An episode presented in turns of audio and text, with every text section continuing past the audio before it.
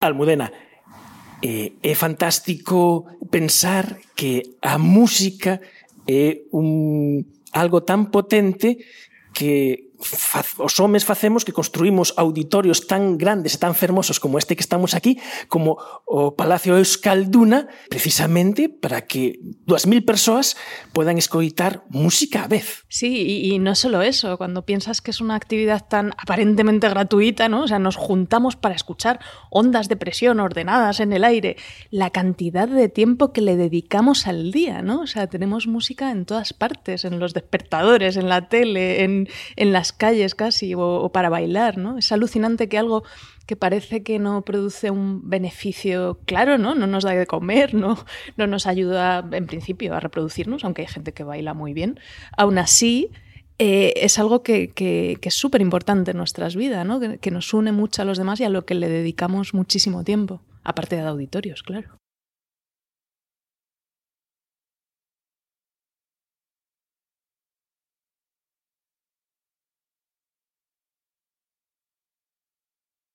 Estamos nos camerinos do Palacio Escalduna de Bilbao. Está a acontecer probablemente o que é o maior evento que temos en España de divulgación científica que xa leva 11 edicións que é o Naucas Bilbao. E aproveitamos que andamos por aquí os de efervesciencia para capturar algunhas das persoas que por aquí andan e unha delas é Almudena Martín Castro, que ela é eu penso que podemos falar que é unha muller do Renacemento. Imolo dicir así, como presentación, podías poñer algo así, porque é eh, física, tamén é pianista, tamén eh, fixeches belas artes, pero tamén traballas como diseñadora e ademais do que imos falar esta noite é do teu primeiro libro, se xa que temos de todo. Sí, sí, moitas gracias, moitas gracias. Eh, me gusta me gusta hacer muchas cosas distintas y sobre todo he tenido la suerte de, de poder dedicarles tiempo y, y, poder de que no se me hayan dado del todo mal, ¿no? De poder haber tenido cierta facilidad para para sí, para experimentarlas y para cultivarlas. Uh -huh. E ese primeiro libro chamase La lira desafinada de Pitágoras, editado en HarperCollins editorial. E claro, isto é un libro, pero é do tipo de libros que eu penso que teñen que levar asociado unha lista de reproducción, unha lista de, de cancións eh, para escoitar o libro, porque está cheo de referencias. E algunhas, ímolas escoitar esta noite. Eu eh, vou poñer cousas e ti me dis o que son, e, e nos ilustras.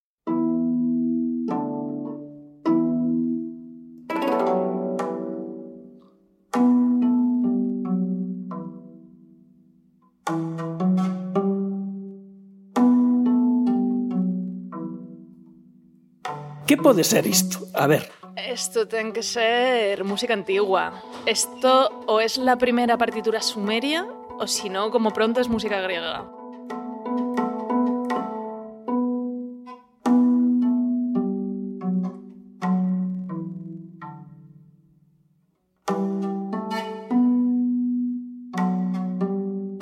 probablemente la Sumeria. eh, primeira música, aí, aí estaba, aí estaba, aí estaba. Eh, a primeira partitura, unha cousa que descubrimos, claro, algunha ten que ser a primeira partitura da historia. Eh, música aí mesopotámica, eh, bueno, o que pensamos que é a primeira partitura, porque non é un pentagrama con cinco liñas e unha clave de sol. Non, é outra cousa. E aquí está unha das primeiras claves deste libro, porque este libro eh, mistura, fai unha trayectoria das conexións entre a ciencia e a música e particularmente entre as matemáticas e a música. Como é esta primeira partitura? Pois pues esta Claro, eh, resulta difícil de decir porque hay muchas interpretaciones distintas de, de, cómo pudo ser esta música, ¿no? Pero en los años 70 se encontraron unas tablillas de la época sumeria que tenían unos extraños signos que, bueno, en principio eran signos numéricos. Sin embargo, cuando se empezó a, a trabajar más en ellas y a desentrañarlas, resulta que esos números estaban acompañados por unas palabras que empezaron a aparecer en otro tipo de documentos, en otro tipo de documentos que estaban asociados a canciones. Entonces, gracias a esos números, pudimos realmente empezar a desentrañar cómo pudo sonar esas músicas. esos números estaban marcando las notas o las distancias que debían tocarse sobre las cuerdas de, una lira, precisamente de la época sumeria. Por eso, bueno, no es, una, no, no es una ciencia exacta, hay distintos arqueólogos y distintos historiadores que han propuesto distintas partituras sobre esta música, pero realmente es fascinante ¿no? que gracias a los números podamos realmente devolverle su voz a las piedras de Mesopotamia. Pois houve un divulgador que se adiantou estas cosas que ti contas das relacións de Pitágoras coa música. Eh, non sei, non sei se os coitaches algunha vez, pero mm, eu coido que pode ser interesante a ver que. Pitágoras, el padre de las matemáticas y la música. Matemáticas y música. Te vas a dar cuenta de que existen matemáticas aún en lo que menos te imaginas. Hombre, el Pato Donald. O Pato Donald. gran divulgador, por gran, supuesto. Gran divulgador. O Pato Donald, o, o Pato Donald e as matemáticas. Mira, primero necesitaremos un hilo. Hay que ponerlo bien tenso. Tócalo. Ahora divídelo en dos. Tócalo otra vez. Claro. ¿Te das cuenta? Es el mismo tono, Está pero describiendo una las notas alta. de un acorde. Vuelve a que realmente salen. Y la Eso. siguiente. Pitágoras descubrió que la octava tenía una proporción o radio de 2 a 1. Mediante simples fracciones logró esto. Y de esta armonía matemática nació nuestra escala actual. Salen de los números que descubrió Pitágoras. O sea, son sonidos, los sonidos del acorde. Que parece como el. parece la sintonía de Renfe, pero en realidad son las notas de un acorde. Realmente salen de esas proporciones que descubrió Pitágoras, ¿no? De los números 1, 2, 3 y 4. E, e ademais neste corte eh, no que o Pato Donald explica moi ben isto de eh, o que se atribuye que fixo Pitágoras, porque claro, Pitágoras é unha figura máis lendaria que real, ou das cosas que sabemos, non? En Pitágoras Cando as cousas que escoitamos de Pitágoras moitas poden ser probablemente os pitagóricos, Pitágoras e os seus amigos, a súa secta, poder, poderemos dicir, hoxe, hoxe en día, e, e ademais neste corte de, de o Pato Donald e as matemáticas, claro, explica moi ben como dividindo unha, cor, unha corda pois, a metade pois, produces unha frecuencia unha oitava, pero logo a música esa que, que, que toca é unha música perfectamente mm, afinada consonante o noso estilo de música actual occidental. E claro, aquí o Pato Donald se deixa moitas cousas que ti contas no libro de por que esa música, esa lira que podría tocar eh, Pitágoras eh, realmente non estaba afinada como, afinaríamos hoxe. No, realmente, y de hecho esto fue un, grandísimo problema matemático y, y, musical que ocupó a pensadores de las dos ramas. O sea, por un lado los músicos y por el otro lado los físicos se preguntaban cuál era la mejor manera de afinar un instrumento. Porque pa para Pitágoras la única manera buena de afinar un, instrumento era usar los números perfectos de su religión, ¿vale? Que, que, o sea, casi condensados en una cosa que era el tetractis, que eran los números 1, 2, 3, 4. Pero tú matemáticamente, si utilizas solo esos números para definir los intervalos de una escala musical, resulta que esa escala musical no cierra, ¿vale? O sea, esto eh, pues tiene su complejidad, pero básicamente es como que tú haces do, re, mi, fa, sol, la, do y no llegas al mismo do. O encuentras que los intervalos entre sí no son iguales. Entonces, para poder encontrar una solución a este problema fue necesario esper esperar hasta la época del Renacimiento y no solo eso, sino que el intentar resolverlo llevó al descubrimiento o a la formalización de un concepto matemático que es el de los logaritmos. Entonces, en ese concepto se basa la afinación que utilizamos hoy en día, que, en, o sea, desde el punto de vista de pitagórico es más imperfecta, pero desde otro punto de vista es mucho más simétrica, que es la afinación temperada, el, el temperamento igual que se llama. E houve moitos científicos contas no libro, eh, La lira desafinada de Pitágoras, e moitos científicos que traballaron nisto de buscar precisamente unha escala que tivese precisamente que, pose, que fose práctica realmente. Sí, sí, sí, porque o sea, esto, por supuesto, es una historia muy compleja, ¿no? Realmente hay una, un, empuje tanto por parte de la música, porque la música se va haciendo más compleja, cada vez va cambiando más de tonalidades, pero claro, todos estos científicos que nosotros imaginamos como muy, muy parecidos a los de hoy, eh, en realidad eran científicos que habían estudiado música como parte de su formación matemática Kepler, Newton, Copérnico, todos estos pensadores realmente entendían la música como algo que estaba muy ligado a la aritmética, a la geometría y también a la astronomía. Y los problemas de la música, como era este problema de la afinación, les preocupaban. Entonces, por ejemplo, Newton tiene un tratado musical que se llama Of Music, en el que habla de este problema. O sea, Newton tiene un tratado musical en el que busca la forma mejor de afinar las cuerdas, de acuerdo un poco con las proporciones pitagóricas, pero intentando salvar también los problemas musicales que esa afinación entrañaba.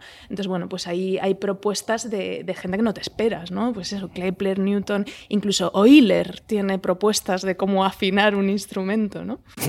Euler, eh, conocido eh, para los profanos como Euler, eh, Sí, vale. Yo non sei sé si se lo pronunciado bien. Sí, sí, no, no, está moi ben, está moi ben. No, temos aí a nosa colaboradora no programa que algún día vemos presentar, que a nosa mm, a boa de Einster e coñece, están aí no alén e de colega aí de, de, de Euler e moitos científicos máis. Pois pues mira, xa que falaches do amigo eh, Newton...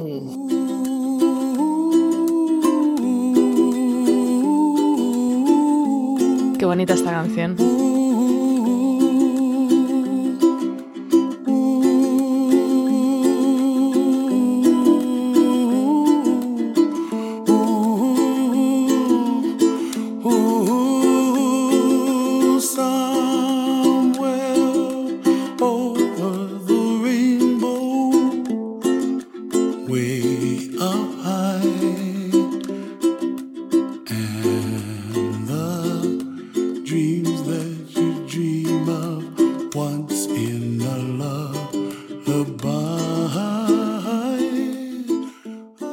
algunhas cancións que son capaces de meterse dentro dos nosos eh, eh, sentimentos e de, eh, de transmitir emocións.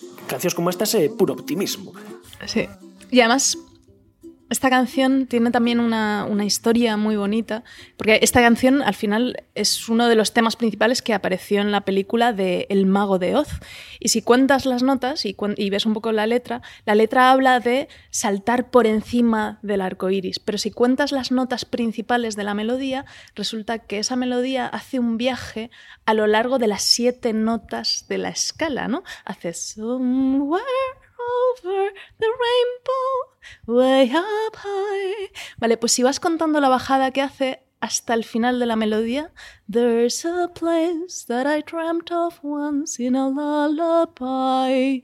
Resulta que esas siete notas realmente representan lo que sucede en la película, ¿no? O sea, de alguna manera en el primer salto, en el de Somewhere hay un salto de siete notas, ¿no? como si saltásemos los siete colores del arco iris, y luego en el resto de la melodía es un poco el viaje que hace Dorothy desde Oz hasta su casa, ¿no? para volver al punto de inicio de la melodía. Entonces hay un paralelismo precioso ¿no? entre el tema de la canción y la película que, que acompaña.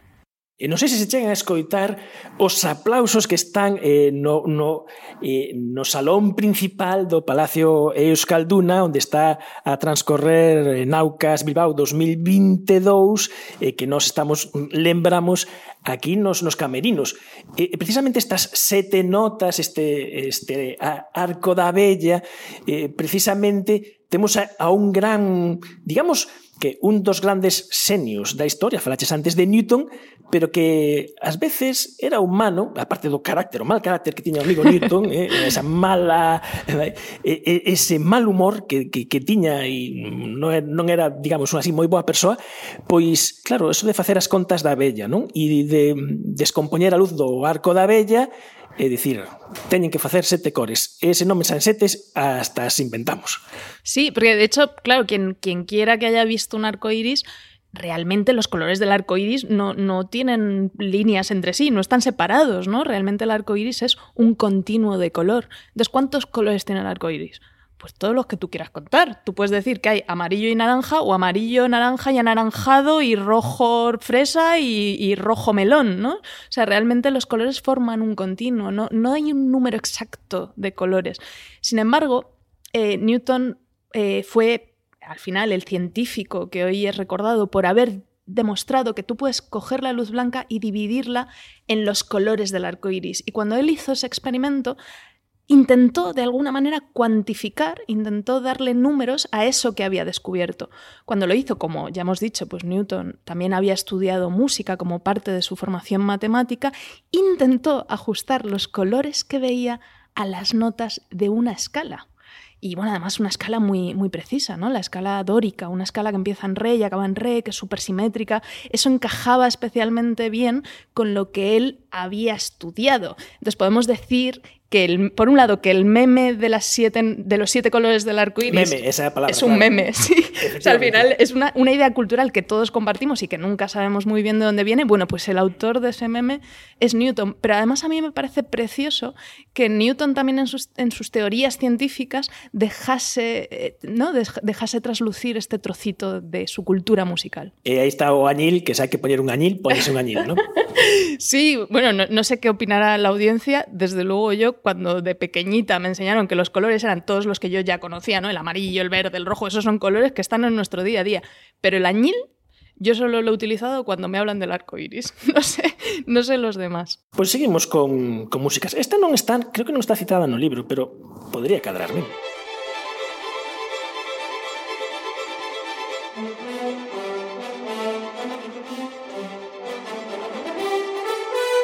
Los planetas de Holst. Ahí está. Por supuesto. Ahí está, eh, está. Bueno, ahí. Eh, Digo, no la vaya a liar.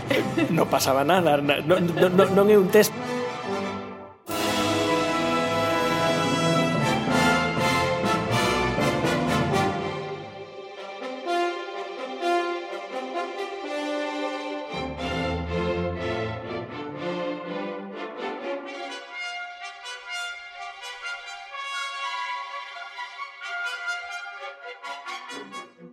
planetas, música, neste caso eh, estamos a escoitar eh, eh, Xúpiter, e unha parte eh, importante do libro eh, é precisamente ese máis alá de como precisamente o mapa mental que teñen as persoas que teñen a súa vida basada na música, ese mapa mental é, é un camiño que axuda a facer descubrimentos, axuda a ver a realidade.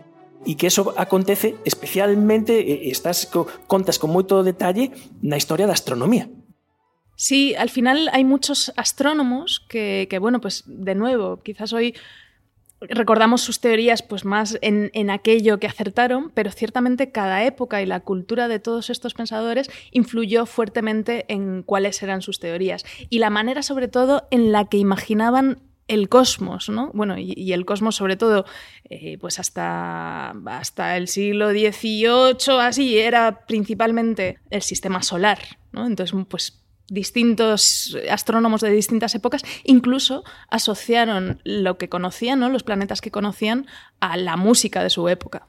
Y tenemos ahí, por ejemplo, Galileo, eh, fillo de Vicenzo Galileo, eh, laudista e aí o laud e a música xoga unha parte importante e, e mesmo como sistema de, de medida e como sistema para realizar experimentos. Eh, hai por exemplo esta historia de que eh, se alguén vemos alguén eh, deitado no chan eh, podemos presumir que mellor teña un ataque ao corazón eh, rapidamente se pensamos que non respira rapidamente chamar un 2 e aplicarlle a reanimación cardio eh, cardiorrespiratoria.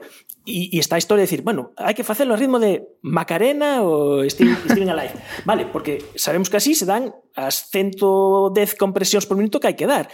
E Galileo facía o mesmo.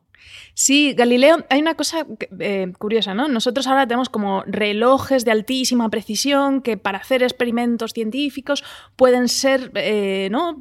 Te pueden dar el dato perfecto. Pero claro, los relojes de precisión son un invento reciente. Galileo realmente no contaba con un cronómetro para él poder estar haciendo sus experimentos sobre la aceleración y sobre la velocidad e ir tomando datos tan precisos. Entonces, lo que él hacía como la manera, digamos, la, la la máquina accesible a su mente que le permitía producir un tempo más estable, unos unos intervalos de tiempo más estables, era una canción. Entonces se cuenta que cuando él estuvo, bueno, eh, estuvo estudiando cuál era la aceleración de una rueda que caía por una rampa. Pues ponía pequeños peldaños en la rampa para que esa rueda hiciese ruido y iba ajustando los peldaños hasta que el sonido de la rueda se ajustaba al tempo de una canción popular que fuese estable, ¿no? Entonces, realmente utilizaba ese mecanismo que tenemos nosotros, que reconocemos muy fácilmente el tempo de una canción. Todos sabemos dar palmas con la Macarena, todos, ¿no? Somos capaces de, seguir muy bien el ritmo. Pues eh, Galileo explotaba esa propiedad de la música y esa propiedad de, nuestra propio sentido del ritmo para ser capaz de tomar medidas muy precisas en sus experimentos. Y acabas de decir un término eh, musical que o tempo, tempo que é canto de rápido ou despacio vai unha canción e, e un tema eh, paralelo a estas cousas que estamos a tratar, isto non aparece en, eh, en la lira desafinada, pero que sí que contaches aquí precisamente en Naucas, eh, precisamente hai un ano, é toda a fantástica aventura que foi a investigación de que lle pasa o que lle pasaba o metrónomo de, de Beethoven que o metrónomo de Beethoven Beethoven eh, pioneiro en utilizar unha nova tecnoloxía que permite eh, poñer os músicos pois cantos pulsos por minuto ten eh, as súas partituras, pero resulta que o gran misterio no que vos dades unha, unha hipótese que é moi plausible que imos contar agora é que eh, todos os directores non lle facían caso o, o sordo señal. Sí, es una, es una cosa que, que bueno, eh, pues yo estudié en el conservatorio, ¿no? Y también conozco, conocí allí a Iñaki Ucar, que es el otro, el otro autor del artículo científico que publicamos. Eh, pues siempre te cuentan, ¿no? Y nunca entiendes muy bien por qué. Pero vaya, en el conservatorio a mí me dijeron que los tempos que escribe Beethoven en sus partituras no son muy fiables. Beethoven dejó, esto que digo, los tempos son unas marcas numéricas que te dicen a qué velocidad tiene que ir la música. De manera que si yo pongo tempo igual a 100, eso significa que tengo que meter 100 pulsos en un minuto. Y si pongo tempo igual a 40, eso significa que tengo que meter 40 pulsos en, en, un minuto, es decir, 40 es más lento que 100, ¿vale? Bueno, pues resulta que esto le, se es posible gracias a una maquinita que es el metrónomo. Pero los tempos que nos dejó Beethoven son tan locos, son rapidísimos, que realmente si los intentas seguir, no, no, te da la mano, no, es muy difícil coordinarse con, con, otros músicos, al menos en algunas de sus obras, ¿vale? Es cierto que esto es muy desigual, hay obras que sí que parecen sensatos, otras que son un poco locas, pero siempre ha habido una especie, un aura de misterio en torno a los, a los tempos de Beethoven y por qué, qué le pasó a este músico para escribir cosas tan rápidas. Que vos tomaste muy en serio ver qué pasaba ahí, tan en serio como eh, analizar as integrais das obras das, eh, de, de Beethoven e, e ver cun programa de ordenador cal era eh, o tempo promedio e analizar que, que pasaba aí. Eh, para saber eh, realmente cales son as interpretacións que hai agora eh, ver modelos teóricos de metrónomos para ver se fallan. Coido que tamén destruistes non sei cantos metrónomos ou non, é un mito. No, no, es verdad, es verdad. Rompimos bastantes metrónomos porque eh, eh, non sei se se fabrican moitos metrónomos mecánicos actualmente porque ahora cun móvil tes a mesma función. Sí, es verdad, se, se han pasado un poco de moda. Yo creo que ahora es mucho más habitual utilizar un metrónomo digital, pero bueno, si quieres romper un metrónomo es posible, los, los venden en, bueno, en Amazon y en cualquier, en cualquier tienda de música yo creo que siguen teniendo metrónomos. Entonces, claro, nosotros lo que queríamos era comparar cómo toca la gente Beethoven y qué fue lo que Beethoven escribió para ver si existía una desviación sistemática, ¿no? Pero además también hacer un modelo físico de metrónomo que fuese capaz de de reproducir exactamente los tempos de un metrónomo, pero rompiéndolo virtualmente, ¿vale? Como no, no, nos queríamos arruinar comprando metrónomos, lo que hicimos fue romper unos cuantos nada más para medir exactamente su masa, la masa de la varilla, eh, a qué distancias tenía las marcas, para poder reproducirlo de manera digital, ¿no? De manera simulada. Y de esa manera saber de qué manera se puede romper un metrónomo y cómo encaja eso con las interpretaciones de la gente. Para ver de nuevo si existía una desviación sistemática entre las interpretaciones de los músicos contemporáneos de la música de Beethoven y las marcas que Beethoven escribió. Temos aquí os mm, compañeros de Naucas a todo meter, a todo meter. Bueno, pues eh, eh, está claro que estamos eh, que estamos aquí nun curruncho aquí dos do Escalduna. Bueno, a ver, a ver, a ver, a ver, a ver, a ver como queda isto. Bueno, e unha curiosidade, antes de, de, de, seguir, xa non nos queda moito tempo. Eh, isto de Almudena Martín Castro, este Castro é galego. Sí, por suposto toda, toda a familia da miña nai é de Galicia. Eu falo un pouco, pero dame un pouco de vergoña, non, non sei falar moi ben, entonces prefiro o falo ca miña familia que non me vai decir nada. Ah, bueno, está ben, está ben, está ben, está ben. Pero sí, mi, mi, a, fa, a, a familia da miña nai é, é toda galega. E, e podemos facer unha cousa, se che parece, porque temos temos un exemplar eh, de eh, la lira desafinada de Pitágoras e que podemos sortear entre os nosos ointes. Entón, o que podemos facer é estou pensando así como un concursiño rápido para contestar en Twitter e sería o seguinte, só temos un libro para sortear, pero que quera levar este libro, o, o que teria que facer, o mellor, é facer un chío en Twitter poñendo unha canción ou unha peza musical que pense que está relacionada coa ciencia. E entre as que poña o noso público, non sei se serán moitas ou poucas, pois ou sorteamos ou ti escolles a que te parece a, a, a máis acitada. Me parece, yo creo, yo iría al, al sorteo. A sorteo, sí. Sí, para sí, que sí. non haya, para que Para que non haya sesgos. Para que non haya sesgos. No vaya a haber algún primo mío por aí contestando la canción. Vale, pois pues todos os teus primos seguro que salieron o libro, non? Ya, yeah, tamén es verdad, tamén. Es verdad. Eh, vale, pois pues facemos o seguinte, nada, imos dar unha semana desde que escoitades emitimos eh, na Radio Galega esta conversa con, con, con Almudena eh, para mandar chíos de así ampliamos esa lista de reproducción de música ciencia. Se quede justificar a vosa resposta está ben se non asumimos que eso vos llevedes algunha relación coa ciencia ah, porque esta canción eh, nada ten un ritmo moi moi ordenado e xa está. O que sexa eh, facer unha, unha playlist de música ciencia e entre as contestacións faremos un pequeno sorteo e quen, quen gane o sorteo levará, levará un exemplar do, do libro de Almudena, parece Me parece fenomenal, unha ideaza. Vale, e nada, xa última cousa, última canción.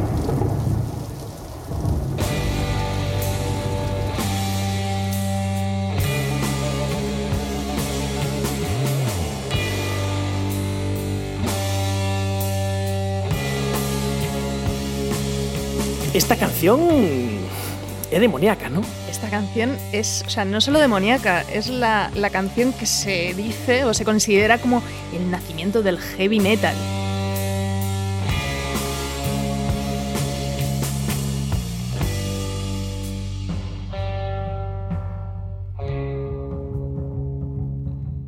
Y bueno, lo curioso es que, que, está muy vinculada a un intervalo musical que se conoce como el Diabolus in música. What is this? That stands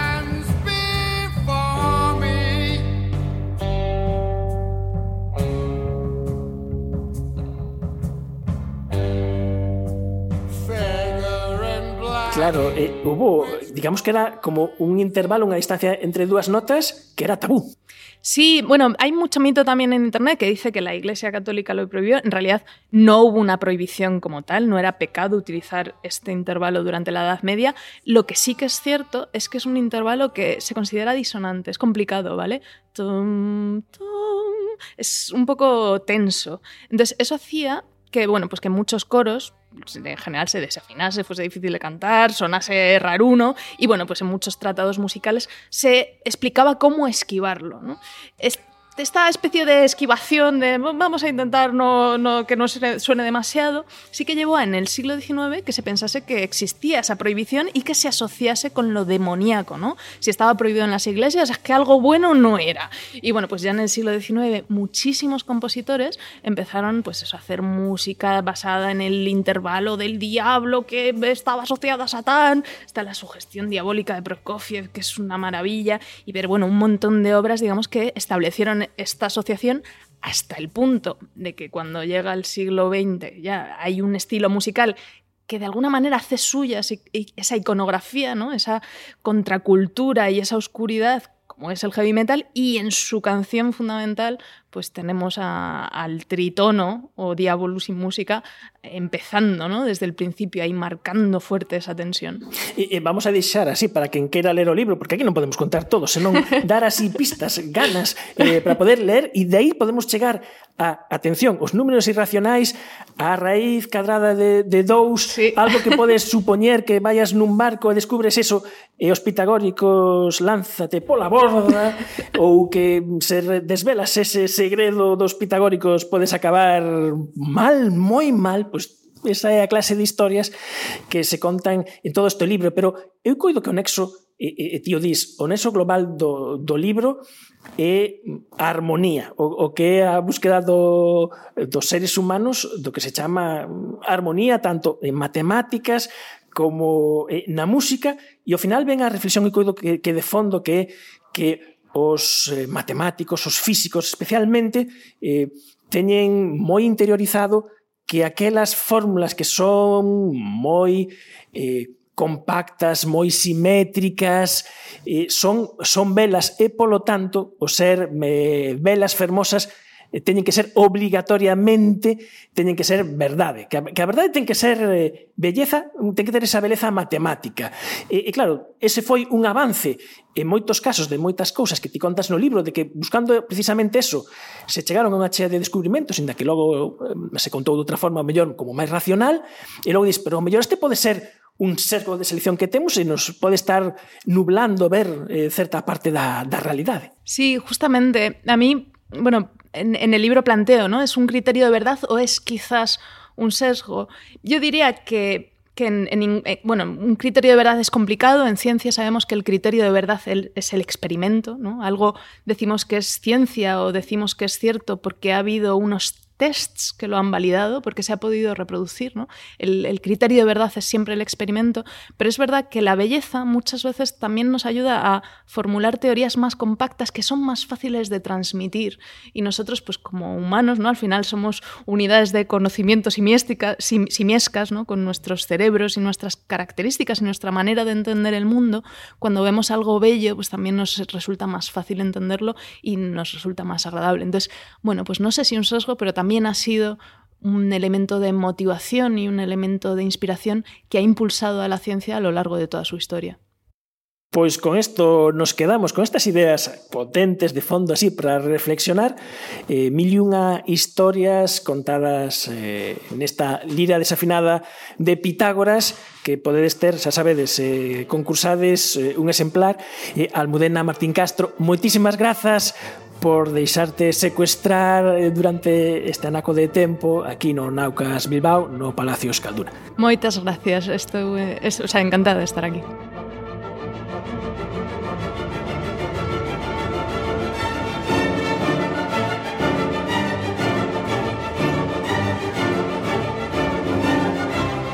A Ciencia, na Radio Galega. Esta foi a conversa que tivemos con Almudena Martín Castro nos camerinos do Palacio Escalduna de Bilbao.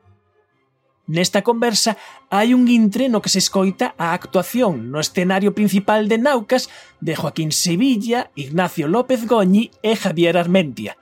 Daquela estábamos a falar do misterio do metrónomo de Beethoven e a resolución da historia quedou no aire. para que non quededes en ascuas. O que Almudena Martín e o seu compañeiro Iñaki Úcar atopan é que sistemáticamente os directores conducen as obras de Beethoven 12 pulsos por minuto máis lento que a indicación de metrónomo que o autor indicou en cada partitura. Logo de descartar un fallo do aparato, do que se decatan Almudena e Iñaki é que este erro sistemático equivale a ler mal a escala da variña do metrónomo. En concreto, a ler a indicación da velocidade un centímetro medio por debaixo da marca. O curioso é que a marca mide xusto un centímetro medio. A ver se vai ser que Beethoven, en vez de apuntar o número que aparece por encima da marca, apunta o de debaixo e isto é o que causa este monumental lío? Un achado posterior reforza esta hipótese. Na primeira páxina do manuscrito orixinal da novena sinfonía hai unha anotación a lápis do xordo señal que pon 108 ou 120. O metrónomo non estaba roto. Simplemente era un señor maior ante unha tecnoloxía nova. E agora saltamos desde o Escalduna de Bilbao o Teatro A Fundación de Vigo. Necesito